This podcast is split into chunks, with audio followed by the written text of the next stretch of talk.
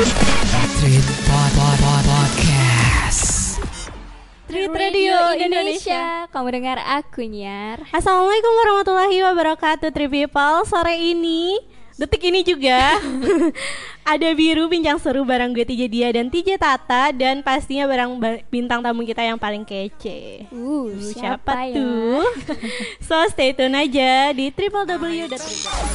Stand by. I'll be right there. Now you're listening Treat on Treat.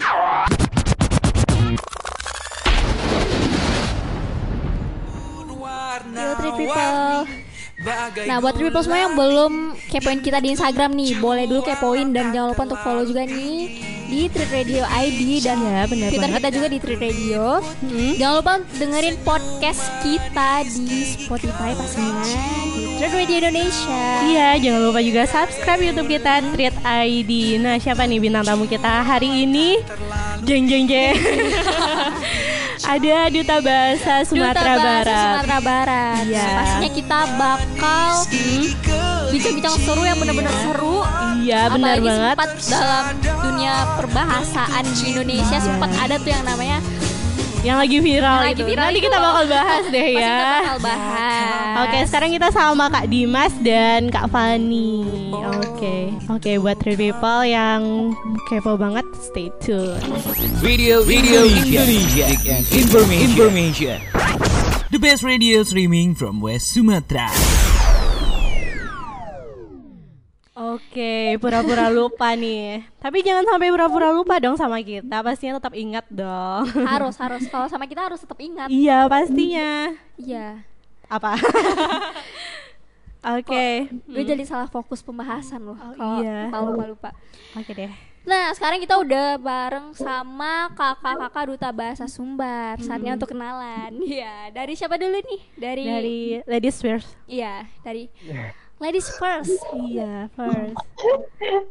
Baik, terima kasih kakak-kakak. Uh, aku Nazia Tiffany, biasanya dipanggil Fani. Aku mahasiswi UNAN, Universitas Andalas, jurusan Ilmu Komunikasi. Oke.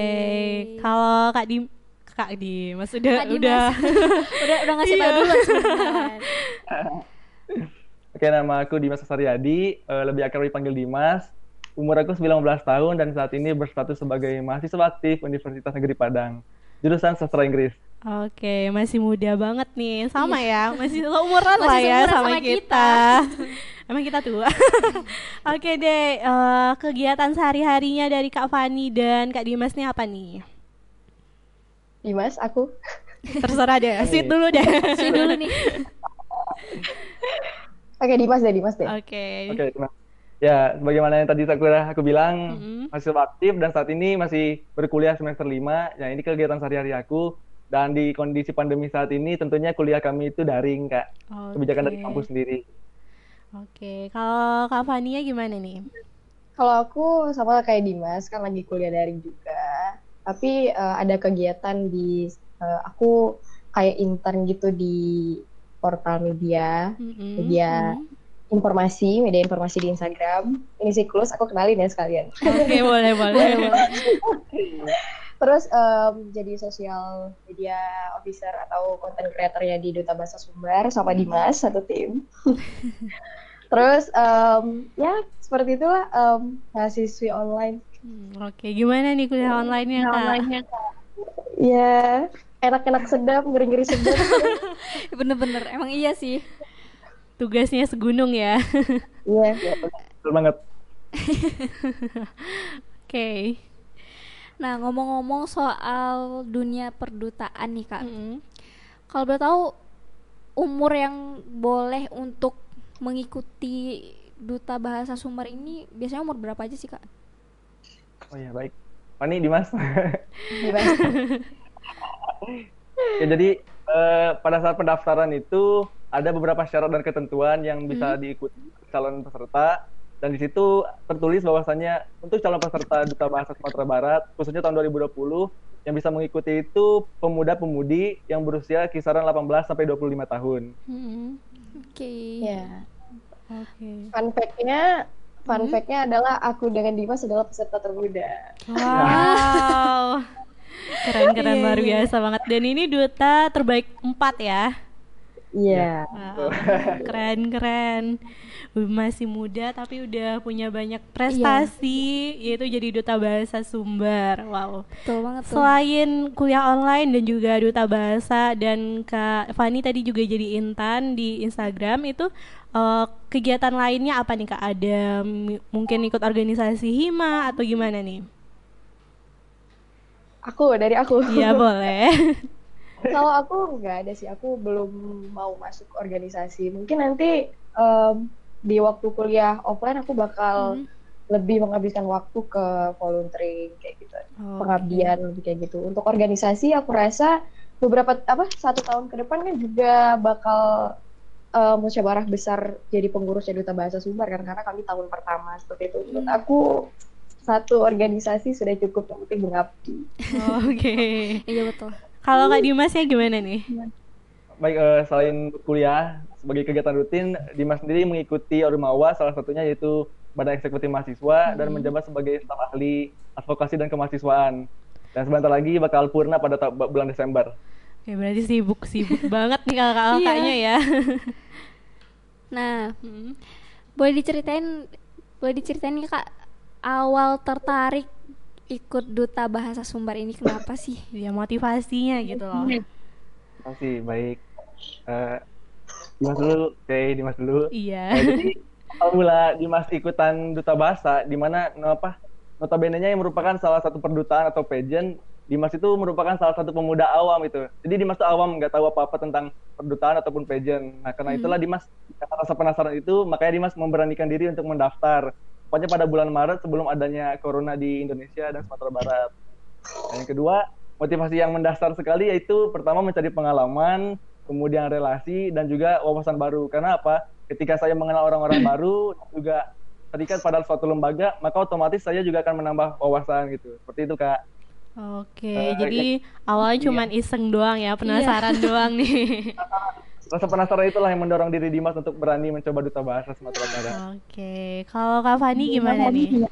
Kalau aku em, dari kecil dari SD bahkan aku udah dikenalkan dengan bahasa. Hmm? Karena ibu aku sendiri adalah eh, seorang guru bahasa Indonesia. Hmm, Eh, jadi dari kecil sudah dikenalkan dengan bahasa, sudah dikenalkan dengan sastra, sehingga ya pastilah kita terbentuk menjadi em, seorang anak yang dekat dengan hal itu kan. Seperti itu. Jadi eh, semakin bertambah umur, em, semakin awalnya sejak kecil hanya tertarik tertarik. Hmm. Semakin bertambah umur, itu waktunya kita bertindak dan membuat sesuatu kan, berbuat seperti itu.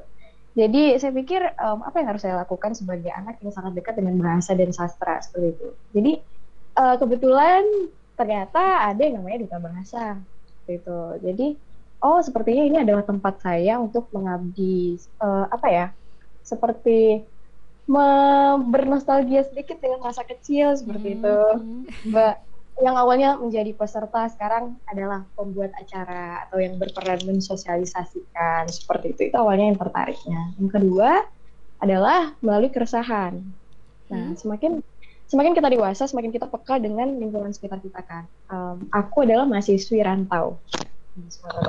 Mila. Hmm, jadi waktu itu aku apa ya aku itu di dalam keluarga. Fun fact lagi. Apa-apa. di dalam keluarga itu em, aku be- beberapa suku atau beberapa apa ya asal asal apa tuh? Tempat tinggal asal. Apa sih? Ah, Eh, tempat lahir ya? Ibu Hmm, aku dari Pangkal Pinang ayah aku dari Aceh aku dari Bengkulu keluarga aku di mana-mana. Wow, aku, merantau, aku merantau ke Sumatera Barat lagi. Jadi aku sangat dekat dengan bahasa berbagai bahasa yang pernah aku dengar gitu. Jadi em, pastilah aku merasakan beberapa keresahan tentang kebahasaan sebenarnya seperti itu. Dari dari experience experience aku dari keluarga dari lingkungan sekitar seperti itu. Dari itu em, harus apa ya yang itu menjadi alasan aku untuk berbuat atau bertindak di duta bahasa. Itu adalah dari keresahan-keresahan. Oke, Jadi oke, Oke. oke. Yang satu Berbagai dari motivasi. penasaran, Iya, ya. yang satu lagi emang udah punya bekal iya, tersendiri. Dari kecil Hmm. nih. Oke, oke. Menarik banget nih People. Iya menarik. Karena pertanyaan semakin menarik. Iya benar banget. Jadi buat people yang kita bakal ngulik lagi nih mengenai duta bahasa ini Betul. dan hampir dekat dengan bulan bahasa. Kita bakal bahas lagi pastinya di Treat Radio Indonesia. Tapi kita dengerin dulu deh, ada yang lewat nih.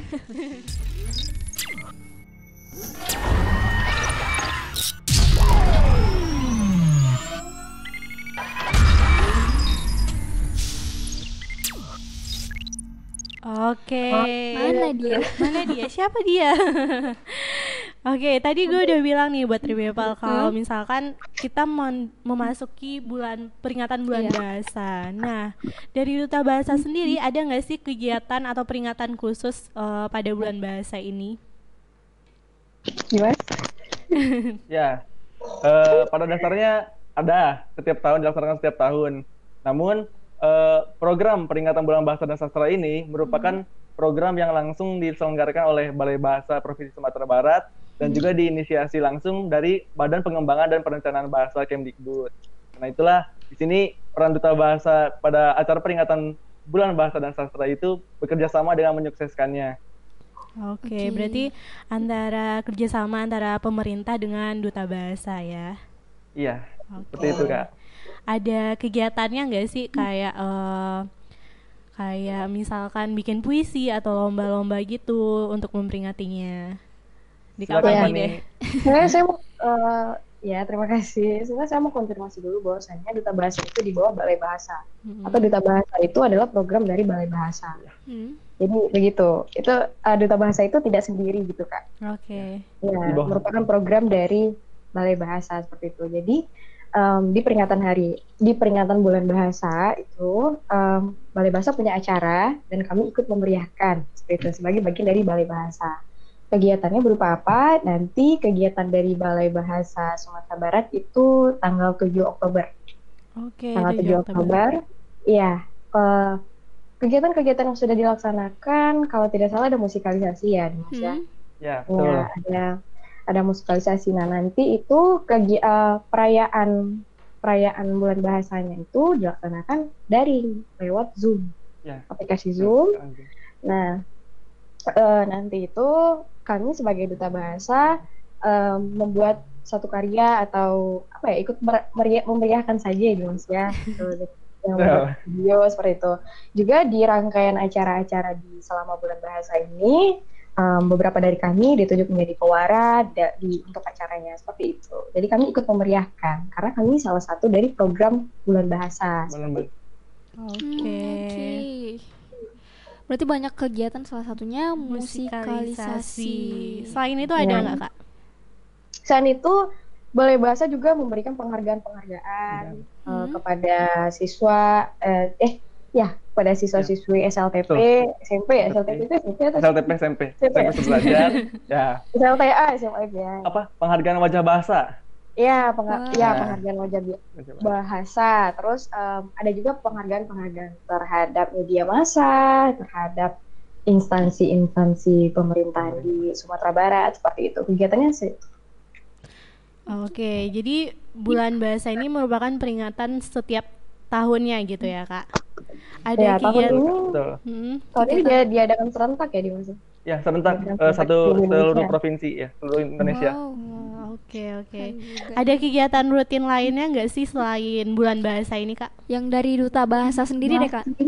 Hmm, dari duta bahasa sendiri karena kami kan setelah pemilihan tentunya kami oh sebelum pemilihan selama pemilihan atau sebelumnya selama pemilihan selama pemilihan, Selama pemilihan. itu proses pemilihan duta bahasa itu sudah menjalankan krida Hmm. berbeda dengan tahun sebelumnya tahun-tahun sebelumnya itu setelah terpilih lalu menjalankan krida tapi tidak dengan angkatan kami angkatan 2020 ini kami krida itu sebagai apa ya penilaian kami ya penilaian Ya, kita ini Nah, Komponen penilaian. Iya, sebagai duta bahasa, calon duta bahasa seperti itu. Jadi sudah lumayan banyak rangkaian eh, kegiatan mengenai kebahasaan, kesastraan yang yang kami lakukan seperti itu. Nah, setelah pemilihan kami resmi menjadi 10 eh 20 ya kita 20 Ya, 20. 10 pasang, 10 pasang. Iya, 10 pasang. 10 pasang duta bahasa Sumatera Barat. Itu kami menjalankan, kami gabungkan lagi tuh krida-krida yang rasanya masih relevan untuk dilanjutkan selama daring ini gitu. Hmm. Jadi em, untuk saat ini kami masih aktif berkrida, krida, berkrida program kerja seperti itu melalui sosial media, sosial sosial. media, media sosial, media, Media sosial, sosial. Duta Bahasa Sumatera Barat. Oke. Oke, beda PTW nih ya. Krida itu apa sih kak? Apa? Krida itu apa? Krida itu kayak program kerja kak, Oke. seperti program kerja. Iya, aku lupa menjelaskan. Oke, oke. Berarti eh, sebelum pemilihan itu eh, calon duta bahasa ini membuat kridanya sendiri nanti baru digabungkan setelah melakukan pemilihan begitu ya?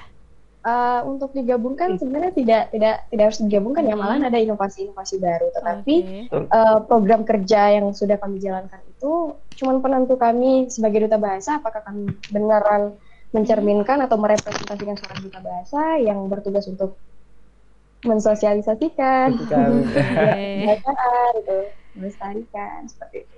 Oke, oke. Tapi sekarang udah ada kegiatan daring semisal kayak sosialisasi eh, tentang bahasa tersendiri nggak kak dari duta bahasa? Udah, tentunya udah. Udah ya, Din ya. Udah, Dari- udah. Dari aku sama Dimas sendiri em, yang bertugas bermanajemen konten-konten yang kami Hmm, sediakan di Bahasa Sumber. Seperti itu. Nah, beberapa apa ya? Setelah beberapa minggu setelah pemilihan, kami mulai menyediakan segmen, Hmm? segmen namanya Ota Bahaso. Mm-mm. Nah, Ota Bahaso itu adalah siaran langsung Instagram, ya di aplikasi Instagram yang membahas tentang isu-isu kebahasaan. Nah, Oke. itu narasumbernya dari kami sendiri, seperti itu berpasang-pasangan, seperti itu Kak. Terus ada kegiatan segmen atau kegiatan Hmm? uh, mereview buku, mengulas buku, ulasan buku buku. dari dari para duta bahasa juga. Terus juga kami mempersiapkan apa ya persiapan menuju ke duta bahasa nasional. Duta Bahasa ya. Nasional. Ya, itu. Wah, Asik banget ya. iya. Dengernya aduh. Jadi pengen gabung kita. pengen gabung. Kakak umurnya berapa? Aku masih 17 enggak deh. Aku 20. Masih bisa belum itu? Masih 20 Iya. Oke deh, mungkin tahun depan kita bakal coba deh. Tahun depan fix bakal coba lagi Nah dari banyak kegiatan yang ada nih kak Sya- Target khususnya ini acaranya untuk siapa sih kak? Semisal kayak tadi tuh Apakah emang hanya anak SLTP saja dan anak SMA aja Atau emang untuk semua Umum. kalangan bisa nggak sih? Untuk bergabung dalam kegiatan dari bulan bahasa tersendiri Ya? Baik, eh, untuk kegiatan yang diselenggarakan pada per- pada, pada peringatan bulan bahasa dan sastra itu eh, ada beberapa kategori yang dilaksanakan kak. Misalkan ada untuk eh, guru dan guru mahasiswa itu bentuknya penyuluhan, penyuluhan. Kemudian untuk siswa dan instansi pemerintah ada yang namanya kegiatan lomba atau kegiatan berkarya dan juga yang terakhir itu ada namanya kegiatan peningkatan kualitas berbahasa Indonesia. Itu biasanya untuk umum, untuk guru dan untuk dosen. Nah, itu biasanya dilaksanakan untuk beberapa kategori, Kak. Seperti itu. Oke berarti nggak Semua hanya- orang terlibat Iya, berarti Semua orang ya. terlibat Ya, tidak hanya anak SMP, Iya. SMA gitu ternyata guru pun juga ada. Iya, pemerintah juga perlu. ya. Dan Iya, iya. salah satu program yang lagi gencar itu sekarang ini Hmm? pe- pembinaan BIPA bahasa Indonesia untuk penutur asing. Karena apa? Ba- bangsa Indonesia itu ditargetkan menjadi bahasa pergaulan internasional pada Indonesia Emas 100 tahun. Ya, mau tahu tahu pembahasannya? Saksikan Ota Bahasa Malam ini. Iya, boleh Promo colongan ya. Gak apa-apa, gak apa-apa. Boleh nih sekalian dipromosin bisanya kita bisa lihat di mana gitu. Iya, di mana tuh Instagramnya, Iya. Kak? Oke, Instagram Duta Bahasa sendiri ini apa nih, Ya, Kak? saya itu. Instagram Duta Bahasa, Duta Bahasa Sumbar. Oke. At Nah. Duta Bahasa Sumbar. Iya, untuk lebih pastinya daripada salah. Mm-mm, Klik. Iya. Bisa cek di postingan Instagramnya Trade Radio ID. Iya. Nah, di situ ada postingan Duta Bahasa Bahasa, Sumber. Biru X Duta Bahasa Sumber. Nah, kalian bisa klik di situ. Klik dan di follow. Di follow. malam ini ya Kak acaranya Ota Iya, jam Bahasa. 8. Jam 8 malam ini. Triple. Jadi jangan sampai ketinggalan. Iya pastinya. nah, kamu mau nanya apa lagi nih? Nanti kapan-kapan uh, bareng-bareng bareng kakak-kakak trip deh. Oke, boleh banget. Kita siap men- eh, menunggu undangan. Iya, iya. Oke. Nah, eh, sekre duta bahasa atau tempat kantor duta bahasa sendiri di mana nih, Kak? Eh, kalau kantor eh, Hmm. balai, Ya. kami Hmm. menyebutnya balai, balai Balai. bahasa, balai bahasa itu di Jalan Lima Manis ya. Waduh, Di deket rumah iya. nih. Cepat, cepat. Pauh gadang. ah, aku iya, Ya. Dekat rumah lo. Deket rumah gue dong. Oke, boleh boleh deh main-main ke sana mungkin ya. Ini boleh main nggak Iya. kak? Abis, abis ini mampir nih. Sebenarnya sekre duta bahasa sendiri itu ya di balai seperti itu. Kami berkegiatan di balai seperti itu Hmm. kak. Sekre yang terkhusus untuk apa ya? Sekre khusus untuk duta bahasa itu sebenarnya tidak ada ya dimnya. Kami bagian Ya, dari balai. ada. Jadi, Di ya, bawah kami naungan balai. Ya. Oke. Nah biasanya kalau udah ngumpul di balai nih kak, udah pernah belum? Udah pernah ngumpul belum kak? Kami pas karantina, sementara ini pas- sekre kami di Zoom Sekarang ya, Kak. Oh di Zoom. Iya. Emang- dulu. Oh, Kami mengadakan ya pertemuannya setiap eh, minggu malam. Kami mengevaluasi kegiatan-kegiatan seperti itu. Sementara ini sekre di Zoom. nggak apa-apa. Semoga demi, keselamatan ya. kita bersama juga kan kak. Iya betul. Iya, betul. Berarti di balai bahasa sendiri eh, biasanya untuk evaluasi gitu ya kak? Ya, Hmm, betul. Iya, Eh, berkegiatan so, apa ya? Kita bisa Eh, sebenarnya. Iya, di Balai Bahasa itu tempat Balai. kami membahas kegiatan-kegiatan dari Duta Bahasa Sum- Sumatera Barat seperti itu. Tapi untuk kondisi sekarang, dialihkan semuanya secara daring juga. Beberapa dari kami sudah mulai kuliah, bekerja seperti itu. Oke. Nah mungkin dari banyak pembahasan kita nih, udah ada nih three people yang mulai berpikir, duh kayaknya seru ya jadi duta Iya. bahasa. Kayaknya gue harus gabung deh. Kayak harus gabung deh tahun depan ini Tahun depan banget. mau gabung deh. Kita salah satunya ya. Saya Iya, dua deh. Nah kalau boleh tahu kak syarat untuk jadi seorang duta wis, eh duta, wis- Duta, bahasa, selain umurnya tadi yang 18 sampai 25 tahun. Aduh. Baik, eh, ada beberapa syarat dan ketentuan yang bisa diikuti oleh salah peserta duta bahasa dan mungkin bisa untuk kakak-kakak sampaikan nanti tahun depan pada kali mau ikut. Jadi yang pertama itu tadi syarat umur pada kisaran 18 sampai 25 tahun itu putra putri. Kemudian yang kedua berpenampilan menarik, bersikap baik dan juga fasih dalam berbahasa Indonesia dan Minang dan juga menguasai salah satu bahasa asing. Artian fasih di sini itu dapat menggunakan bahasa Indonesia dan juga Minang dengan baik. Kemudian eh, berpendidikan minimal SLTA atau sederajat, itu SMA. Dan yang terakhir pada tahun kami ini kami di harus diwajibkan untuk merancang suatu kerida atau kegiatan yang bersifat untuk kebahasaan dan kesusastraan dan juga membawa inovasi inovasi baru dalam kegiatan tersebut. Seperti itu kak. Oke, kalau masalah tinggi nih, ada Oh, ya, syaratnya tinggi. Oh, jangan khawatir. Ada yang tinggi malah ketinggalan. Jangan khawatir, jangan khawatir. Aku tinggi aku limit terbatas. Iya bu. Iya, aku- tinggi aku terbatas. Tapi aku apa ya? Sebenarnya eh, sebelum pemilihan itu sudah eh, Duta Bahasa Sumatera Barat angkatan panitia, panitianya, panitia Mhm. pemilihan itu sudah membuat eh, siaran langsung bersama pembina, se- se- bersama pembina, bersama senior senior kami, se- bersama Duta Bahasa Nasional seperti itu. Mereka sudah menjelaskan bahwasannya sebenarnya tinggi badan itu tidak eh, apa ya? Ada ada ada standarnya, tetapi Hmm. itu tapi coba aja seperti itu.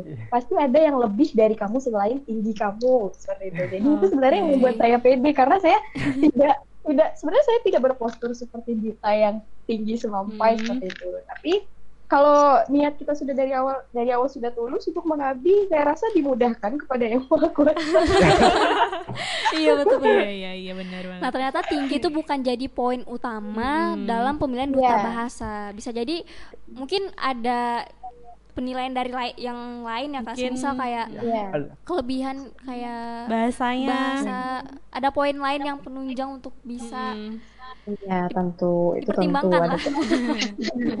Jadi buat three people yang insecure nih karena tingginya gue eh nggak cukup deh kayaknya itu jangan insecure dulu deh three people. Siapa tahu Coba ada aja. kelebihan lain yang pu- lo punya gitu.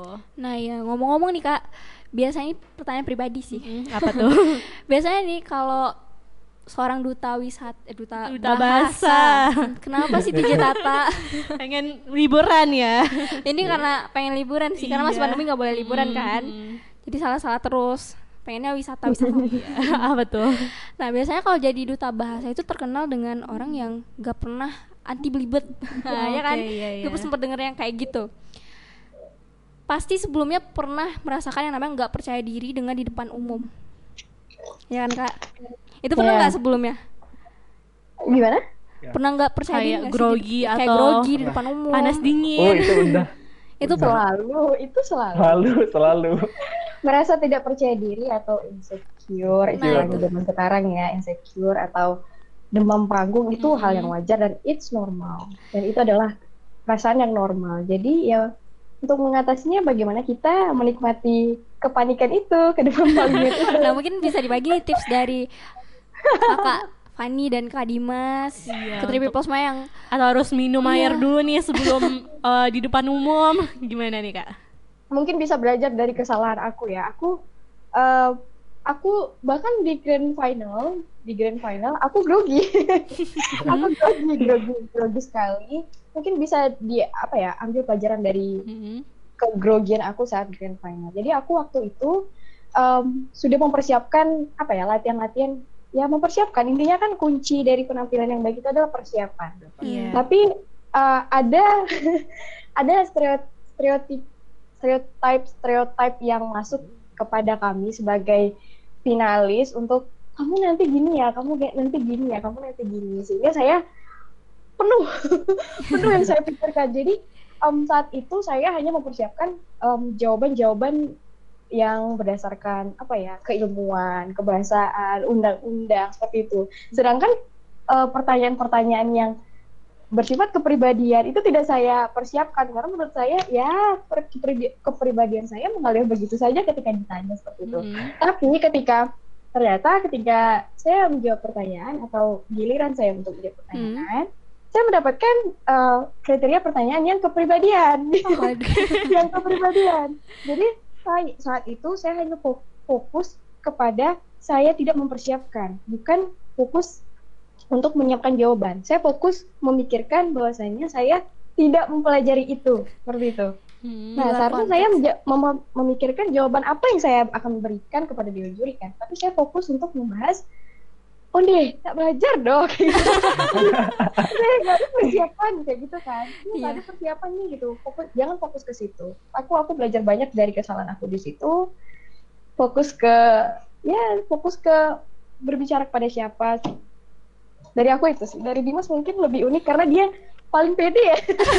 Nggak ada nggak ada. Gimana tuh gimana tuh kak Dimas boleh dibagi dong Kak Dimas tipsnya Waktu karantina itu kan banyak sekali kegiatan di mana kami harus presentasi kan kak. Mm-mm. Dan itu adalah salah satu kelemahan yang belum bisa Dimas atasi sampai saat ini kan. Ketika udah ada ancang-ancang di pikiran, di benak, di kepala, pengen ngomong ini, pas udah dapat giliran, nggak tahu mau ngomong apa lagi kan. Jadi terpakulah pada bahasa buku dan nggak bisa ngontrol emosi seperti itu kak. Nah dengan cara gokil-gokil tadi yang dibilang Fani itu, Dimas bisa mengatasi rasa panik, rasa cemas itu. Nah dengan cara eh, ngobrol atau santai sama teman-teman semua, nah nanti Iya. itu akan terkontrol sendiri emosi seperti itu sih kak. Memang kita tidak bisa mengatasi itu pada saat kita berada dalam suatu acara atau suatu panggung. Namun kita bisa meminimalisirnya supaya tidak terlalu cemas dan supaya tidak terlalu grogi dalam suatu acara. Oke. ayo kenapa Grogi nih kak Dimasnya. Wah, grogi lagi. nah bisa dicontoh tuh Trip People Mm. kalau grogi bisa santai-santai dulu sama teman-teman Iya. gitu Walaupun nggak hilang tapi bisa sedikit-sedikit demi hilang juga ya. iya betul banget Ya, tuh. Oke. Nah, eh, tadi udah syaratnya nih Tribipal. Kewajiban atau apa sih eh, sebagai duta bahasa itu apa sih kewajiban dari kakak-kakak sendiri? Dari Kak Dimas mungkin? Baik, eh, sejauh ini yang Dimas tahu dari mulai pendaftaran, terus kemudian karantina dan sampai adanya penganugerahan, Hmm. salah satu kewajiban bagi duta bahasa yaitu siap berkontribusi, bersinergi dan berkolaborasi, serta eh, bisa meluangkan waktu untuk berdomisili di Sumatera Barat selama satu tahun ke depan atau satu periode kepengurusan. Seperti itu kak. Oke.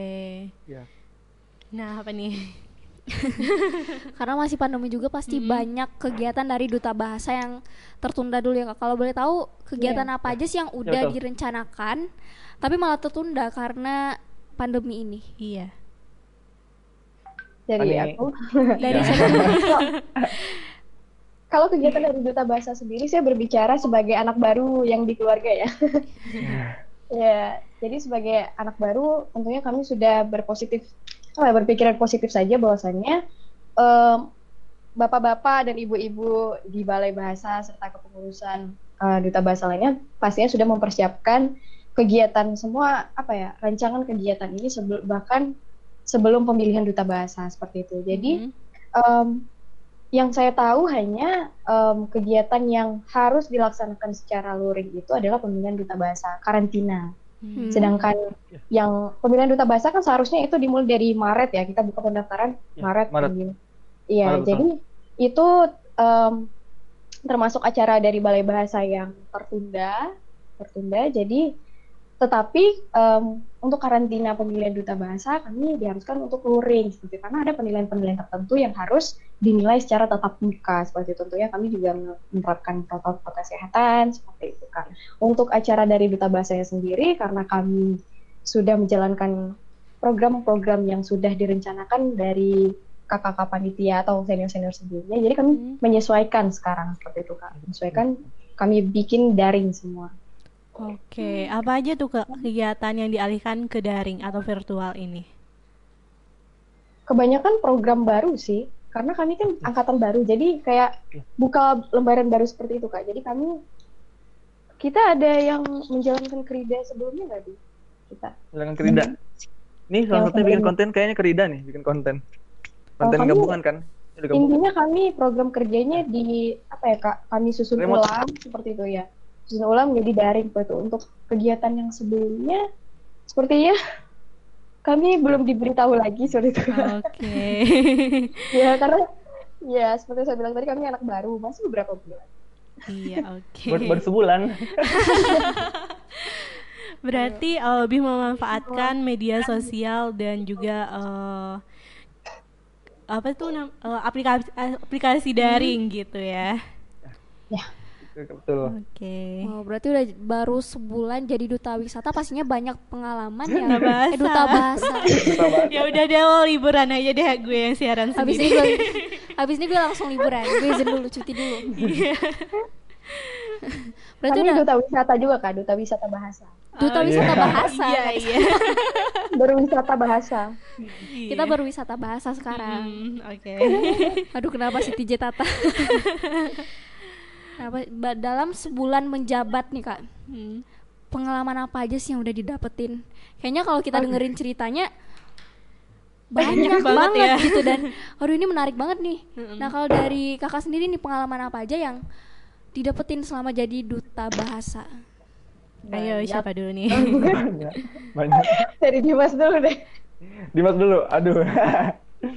yang pertama itu bisa meyakinkan diri sendiri kak. Dengan ada ikutan duta bahasa ini Dimas bisa meyakinkan bahwasanya semua orang itu bisa mencoba dan bisa memberikan yang terbaik ketika kita ada niat dan juga ada tujuan yang ingin dicapai seperti itu. Kemudian yang kedua yang nggak terlupakan itu momen-momen karantina kak. Di situlah kami bisa mengikatkan keluarga kami gitu mengikatkan satu sama lain dan juga membangun yang namanya chemistry kekeluargaan. Dan yang ketiga ya bertemu orang-orang baru orang-orang hebat salah satunya Fanny di mana saat karantina dan persiapan pemilihan duta bahasa itu saya memang termotivasi sekali dari Fanny ini kak nah, Aduh. jadi Wow. itu hal yang- satu pengalaman itu buat Dimas pengalaman tak terlupakan Kenapa tuh Kak motivasinya dari Kak Fani nih? Aduh, Dimas tuh Iya, aduh. suka. Atau ada bumbu-bumbu apa ini? oh enggak enggak enggak enggak ada Gimana Kak Dimas? Jadi apa ya ketika mulai karantina dan melaksanakan kerida itu gak sengaja aja kan saling follow-follow di Instagram kan kemudian komunikasi di situ kan eh, nama siapa kenalan lah di situ kan kemudian nanyain kerida-kerida dan yang sebagainya dan juga persiapan-persiapan tertentu. Di situlah Dimas tuh berkomunikasi sama Fani kan. Dan juga karya-karya Fani ini yang bikin Dimas takjub gitu kan wah ini orang hebat nih gitu kan Fani ini hebat dan juga bisa nih jadi partner nanti ketika berkolaborasi di Enggak, Duta enggak. Bahasa Nah, seperti itu kak Nggak, dia berlebihan kak. terkesan lah terkesan impresi Dimas ke Fani itu ya seperti itu Aduh.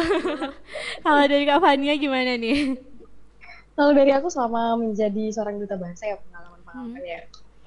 Yang Jelas aku eh, mendapatkan pengalaman sebagai em, peserta apa ya keluarga apa ya seorang kami berdua dengan Dimas ini kan paling kecil itu kan. Jadi Hmm. merasa diayomi kali dengan kakak-kakak seperti itu itu pengalaman yang sangat berkesan bagi saya seperti itu. Aduh. tapi em, di umur saya maksudnya di di antara kami yang masih di masih di bawah umur kakak-kakak yang lainnya tapi kami harus eh, bisa mengen apa ya mengendalikan em, berkoordinasi dengan yang lebih tua. Apalagi kami harus berkoordinasi dengan orang-orang yang bekerja di balai bahasa seperti itu. Yang kedua eh, saya bisa apa ya saya diajarkan lebih peka terhadap lingkungan saya. Em, terkhususnya tentang kebahasaan. Jadi ada perasaan resah tersendiri kalau ada yang menggunakan kata yang tidak baku misalnya seperti itu. Walaupun saya sendiri saya sendiri masih suka seperti itu.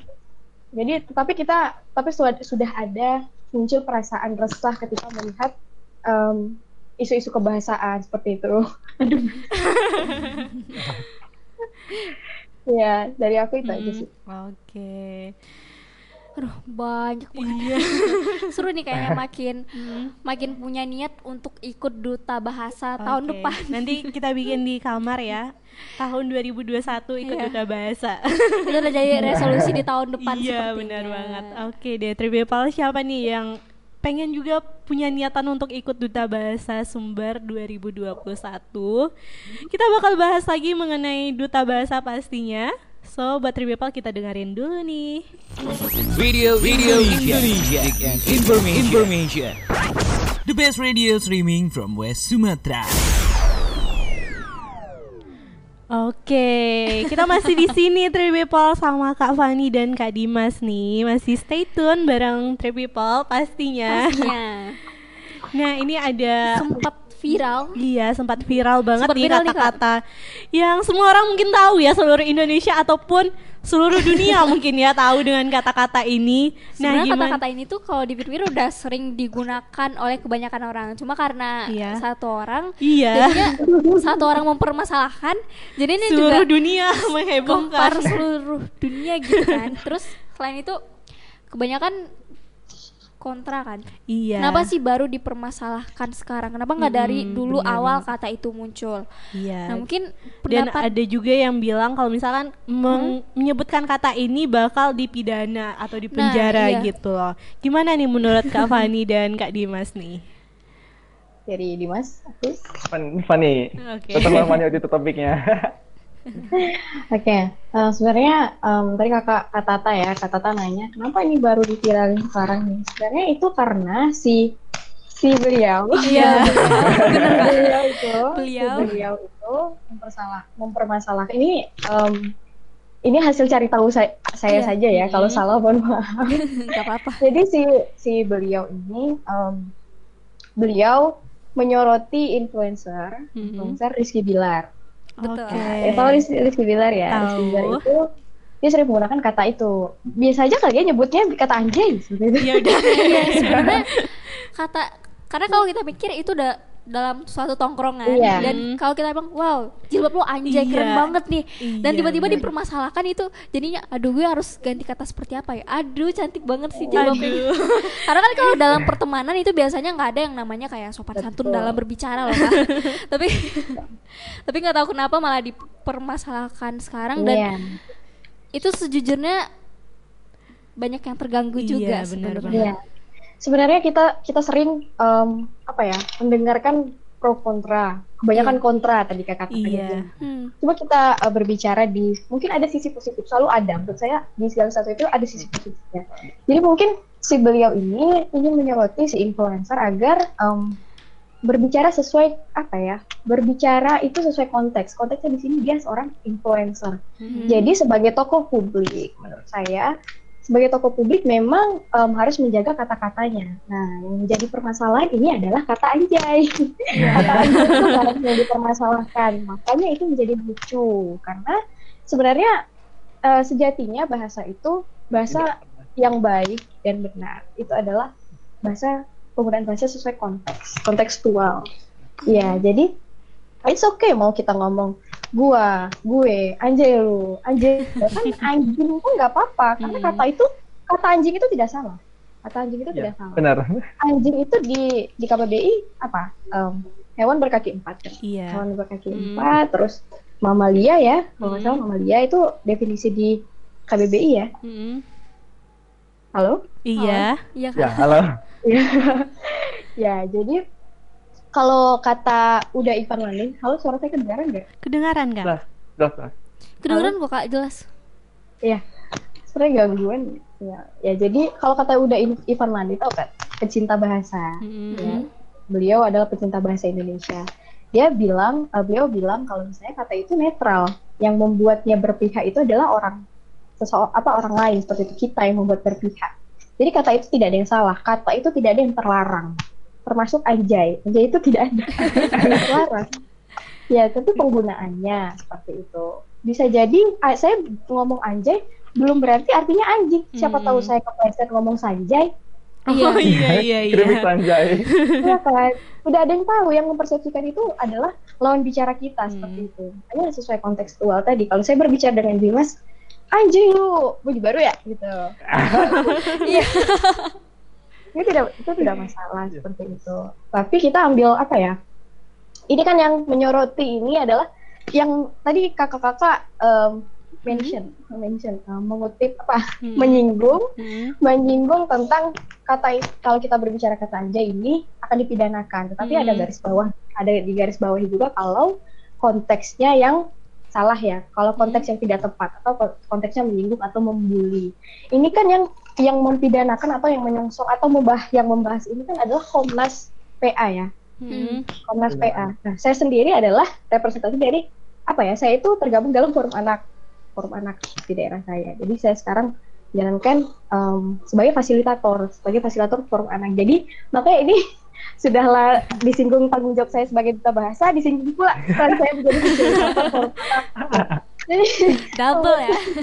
Iya double. Jadi menurut saya ya gimana ya kalau tanggapan dari saya em, dari kedua tanggung jawab tersebut saya melihat dari sisi instansi pemerintah atau Komnas PA itu sendiri dia hanya dia ingin em, apa ya membatasi membatasi penggunaan kata anjing kepada anak-anak kan eh, agar konteksnya tidak membuli gitu. Tapi ya seperti itulah kita perlu memahami bahwasannya kata anjay itu adalah apa ya se- semua kata semua bahasa itu adalah bahasa yang baik adalah itu yang harus digarisbawahi adalah bahasa yang baik dan benar adalah sesuai nah, penggunaan bahasa yang sesuai konteks gitu. Itu, itu dari aku.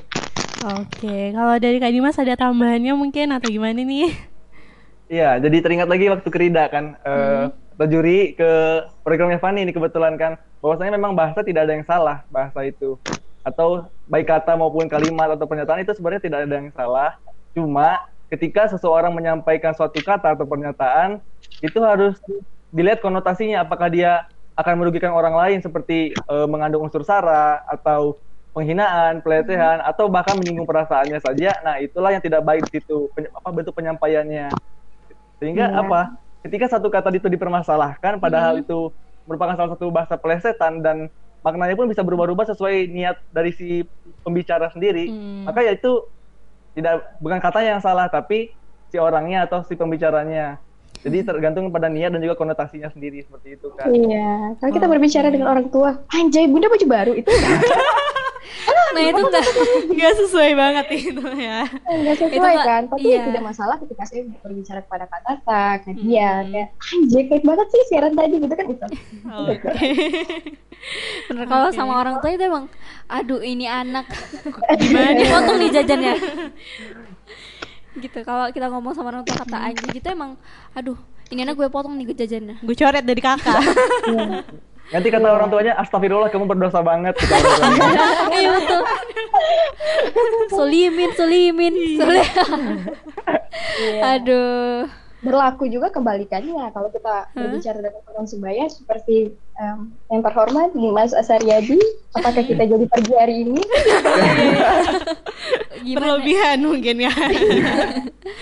terlalu mungkin kalau kita mau cepet harus kat- pakai kata pembuka dulu kan enggak Iya. Gimana Assalamualaikum gitu. yang terhormat. Assalamualaikum mohon maaf mengganggu waktunya Kak Dimas Kak sekarang Rani ya sekarang pengganti assalamualaikum ada P Oh iya, benar banget. ya benar P aduh emang berbagai macam dengan bahasa ternyata ya Iya. Aduh, banyak banget mulai dari kata anjay, terus sekarang assalamualaikum udah digantikan dengan kata P. P. Oke. nah, Hmm.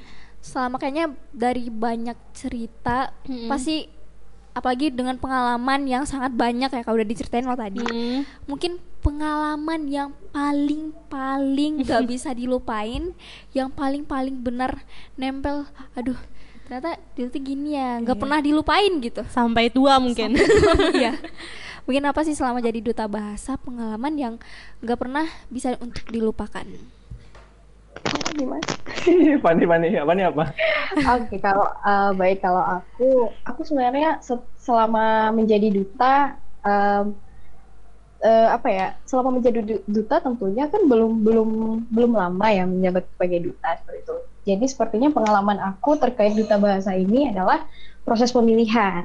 Nah, waktu itu aku sangat berkesan sekali karena pada saat pemilihan aku sedang tidak berada di Sumatera, aku berada di Jakarta waktu itu. Jadi aku menjalani proses pemilihan em, di di waktu orang tua aku lagi sakit, ya aku lagi sakit. Jadi itu yang benar-benar melatih aku untuk apa ya? Melatih aku untuk kuat di dalam waktu yang bersamaan, harus apa ya? survive dengan masa kuliah aku, dengan pengembangan diri aku, juga kepedulian aku terhadap orang tua, seperti itu. Jadi benar-benar dilatih. Menurut aku kesannya seperti itu, seperti em, aku presentasi di rumah sakit, seperti itu. Itu yang paling berkesan menurut aku, itu kak.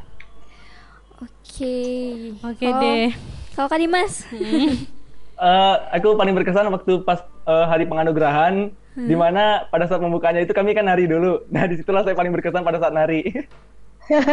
Oke, berarti nari dulu pas pembukaan gitu ya. Iya ada ada tambahan dulu. Oke. Iya, benar-benar itu juga kocak banget. Iya. Gimana tuh Kak? Eh, eh, gimana narinya? Apakah Jadi kami itu latihan nari hanya tiga hari ya di mata dua hari. Dua malah, Van, dua hari. Dua hari, cuman dua hari latihannya seperti itu. Jadi ibaratnya benar-benar asal-asalan doang untuk apa ya mempersembahkan sesuatu kan kepada eh, para tamu undangan seperti itu. Jadi yang kami tampilkan hanyalah suka-suka hati. tapi hasilnya luar biasa kan? iya. Tentunya. Tentunya. Mudah-mudahan. Mudah-mudahan. Oke deh, Three People udah Banyak banyak banget banget iya. pelajaran yang bisa kita ambil dari bincang suruh kita kali Iya, ini. benar. Nah, terakhir nih Kak, pesan dari duta wisata itu sendiri Duta bahasa duta untuk bahasa. Treat people.